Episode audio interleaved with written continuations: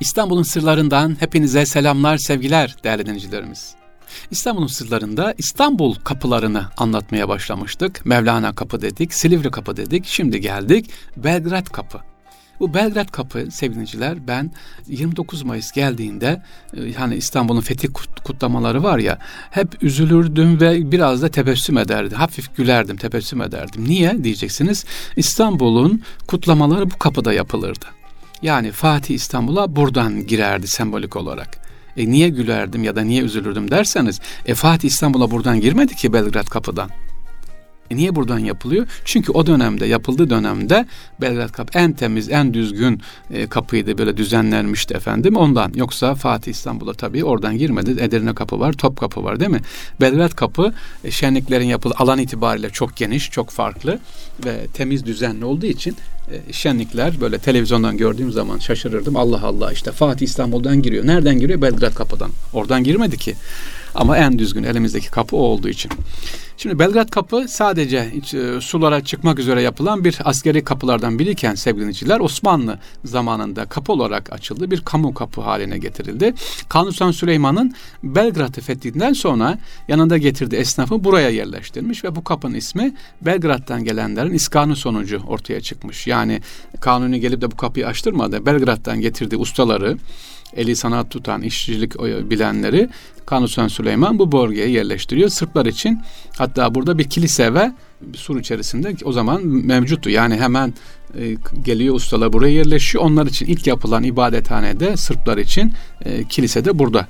Mevlana kapı, Silivri kapı her ikisine de dediğimiz gibi manevi muhafızlar söz konuyken bu kapıda manevi bir e, muhafızın olmayışı dikkat çekmektedir. Ancak e, dediğim gibi kapı zaten İstanbul fethinden sonra hatta Belgrad'ın fethinden sonra açıldığı için e, burada böyle bir özellik söz konusu değil. Fetihten sonra açılan kapılardan bir tanesi. İlk kapı hatta daha sonra anlatacağız yeni kapıyı.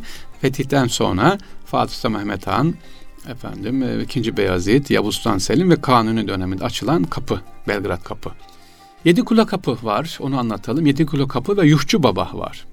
Evet Yuhçu Baba çok ilginç.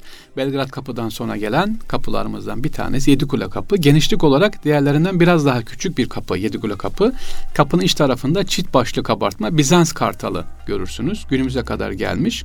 Kapının hemen yanın çıkışında sağlı ve sollu yine efendim mezarlar var, yatırlar var. Soldaki yatır Yuh dedeye e, ya da Yuhçu Baba olarak biliniyor sevgili dinleyiciler. Yuhçu Baba. E, bu zat ölen kimsenin taşınan tabutun arkasından gördüğünde kimilerine yuh dermiş. Halk bir türlü anlam veremezken gün gelip kendisi de vefat edince halk da onun defin işlemle yerine getirmek üzere vazifesini yaparken halktan biri tabut giderken yuh demiş. Yuh de tabuttan kalkıp halka hitaben eğer dünyadayken Allah'ı tanımadıysan bana da yuh olsun demiş ve yerine tekrar yatmış. Böyle bir hikaye anlatılır efendim. Tekrar ediyorum bu hikayedir. Yuhçu Baba yani hedef burada mesaj önemli yalnız. Diyor ki dünyadayken Allah'la birlikte olun diyor. Yuhçu Baba sevgiliciler. Allah'la birlikte olun. E, hep büyükler anlatırlar ya yani Allah Celle Celaluhu ne soracak? İmam, İmam Şibli e, soruyor. İşte Allah ne soracak size? Allah dünyadayken ben sizin neydim? Siz kiminleydiniz? Bunu soracak. Rabbim işte bizlere de bu Yuhçu Baba'nın hürmetine inşallah dünyadayken Rabbimizle konuşmayı, Rabbimizle Rabbimizi düşünmeyi, tefekkür etmeyi inşallah bizlere nasip etsin sevgili dinleyiciler. Yedi kule kapı dedi. Yedi, beş kuleden yedi kule. Yedi kule Bizans zamanında beş kuleymiş sevgili Fetihten sonra Osmanlı halkı işten e, kendisini ilave ettiği diğer küçük kale ve kulelerle buranın yedi kule olarak anılmasına sebep oluyor. Fatih Sultan Mehmet Han ilk zamanlarda devlet hazinesini burada e, saklıyor sevgili Daha sonra e, Topkapı Sarayı'na geliyor. Hazinenin demek ilk olduğu yer yani bizim Merkez Bankası değil, Merkez Bankamızın olduğu yer sevgiliciler burası Yedikule'ymiş. Başka burası Fransız, Rus diplomatlar burada e, kısa bir müddet e, kalmışlar. Hapishane olarak kullanılmış. Yine en acısı Yedikule'ye niye sık gitmiyorum sevgili dinleyiciler? Pek ayağım gitmiyor oraya. Sebebi de Genç Osman'ı hatırlıyorum da onun için Genç Osman tarafından Yeniçeriler bu kulede e, tutuldu uzun bir süre ve burada ona çok işkence yaptılar. Allah rahmet etsin şehit padişah diyorum. Ben idamının yapıldığı bu kulenin alt katında da yine idam mahalli var. Ee, yine kesilen baş zemindeki delikten aşağı atılır ve birkaç güne kadar denize kavuşulmuş burada. Böyle bir e, bunları da anlatmak içimden gelmiyor açıkçası. Allah rahmet etsin genç Osman'a. Evet Yedi Kule Kapı'yı böyle anlattık. Mevlana Kapı'dan başlamıştık. Silivri Kapı'dan başladık. Sevgili dinleyiciler Belgrad Kapı, Yedi Kule Kapı. Şimdi de Narlı Kapı. İstanbul'un kapılarını anlatıyoruz. Narlı Kapı'yı anlatalım. Yedi Kule Kapı ile Samatya Kapı arasında bulunan bir kapı. İsmini o dönemde kapıya yakın olan nar ağaçlarından almış sevgiliciler. Yedi Kule ile Narlı Kapı arasında mesafe mevcut sur kapı arasındaki mesafenin en uzunlarında. Yani iki kapı arasındaki en uzun kapı burası. Narlı Kapı'ya gelmeden önce bir Ermeni kilisesi var. Hemen göze çarpar. Sahil şeridi boyunca ara ara da olsa yıkılan surlar uzun bir mesafe olduğu gösteriyor. Marmara surlarının günümüzde kalıntılarının az olması sebebi niye Marmara surları az? Demiryolu inşaatı sebebiyle o dönemde Alman mühendisler Sultan Abdülaziz'e gelerek inşa edecekleri tren yol ucunun Topkapı Sarayı'nın bahçesinden ve bazı kapılardan geçeceğini söylemişler. Sultan Abdülaziz de ne diyor? Sırtımdan geçirseniz razıyım. Yeter ki diyor demir yolu gelsin e, bu memlekete diye. Onun için Marmara surların bir kısmını Fatih Sultan Abdülaziz döneminde yıktırılmıştır. Daha sonra da tabii 1950'den sonra da surların bir kısmı yol açılma bahanesiyle yıkıldı. E, raylar buradan geçildi. Evet Narlı Kapı'yı da bu şekilde anlattıktan sonra Samatya Kapı var efendim. Samatya Kapı ne demekmiş? Narlı Kapı'yı gördük. Yedikula Kapı, Mevlana Kapı, Silivri, Belgrad Kapı. Şimdi Samatya Kapı. Samatya Kapı bizim İstanbul'da kara surların üzerindeki kapıların bir diğeri sevgiliciler. Tam bir kapı görmemiz mümkün değil ancak Samatya Kapı'nın tren yolunun altındaki geçidin e, şimdiki olduğu yerde düşünmekte. Samatya İstanbul'un semtlerinden bir tanesi. Niye Samatya demişiz? İstanbul'dan daha eski bir yerleşim birimi burası. Yani İstanbul'dan İstanbul İstanbul olmadan önceki bir İstanbul'un eski yerleşim birimi. E, rivayete göre tabi efsane.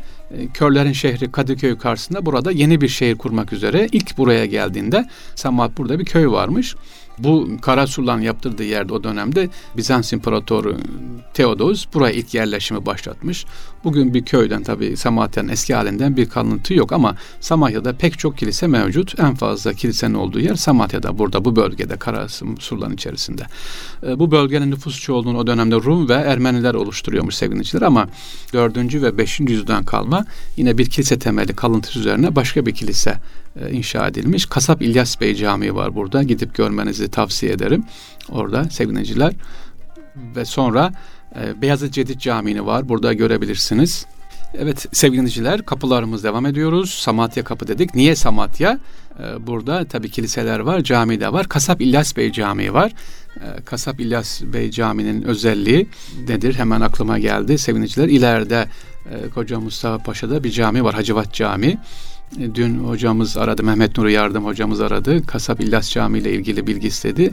E, günde 7 kilo e, ciğerlerin dağıtıldığı camidir e, efendim. Hacivat Camii ya da Hacı Hacivat Camii diye geçiyor orası. Kedilere her gün düşün kasap kendisi kedilere diyor 7 okka diyor. Yani 7 kilo işte yaklaşık ciğer dağıtılsın. E, sokaktaki hayvanlara bakılan bir hem cami hem külliye bir yer e, sevgiliciler.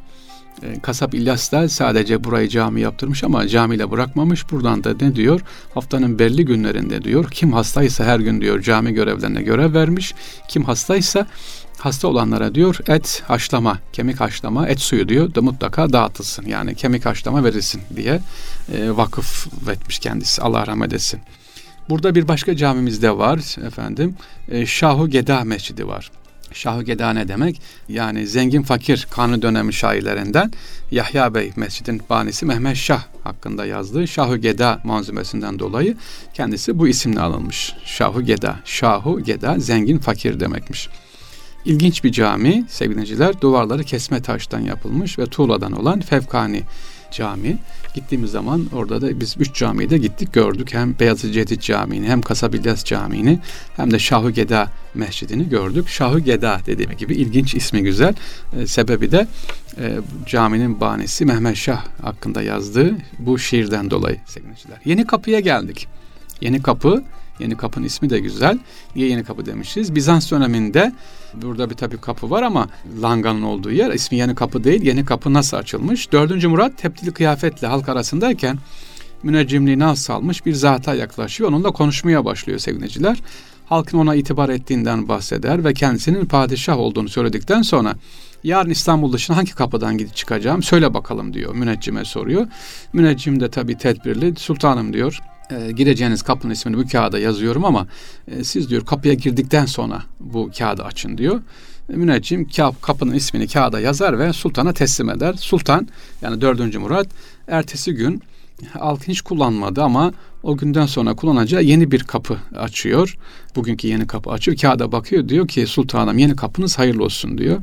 İşte bugün yeni kapının e, bu olaydan rivayet edildiği söylenmektedir. Yani Sultan 4. Murat'ın açtırdığı kapı olduğu söylenmektedir. Bizans döneminde bu yeni kapı bugünkü olduğumuz yer İstanbul'un Marmara'daki eski liman e, bölgesi en eski liman bölgesinden bir tanesi. İstanbul'un üzerine araştırmalar bilinen batılı tarihçilere göre burası sevgiliciler. Hatta burada Marmara'ya geçerken de yapılan kazada çıkan eserlerin büyük bölümü de bu Yeni Kapı bölgesinden çıktı. Mesela Langa var. Langa ne demek? Langa semti de var orada.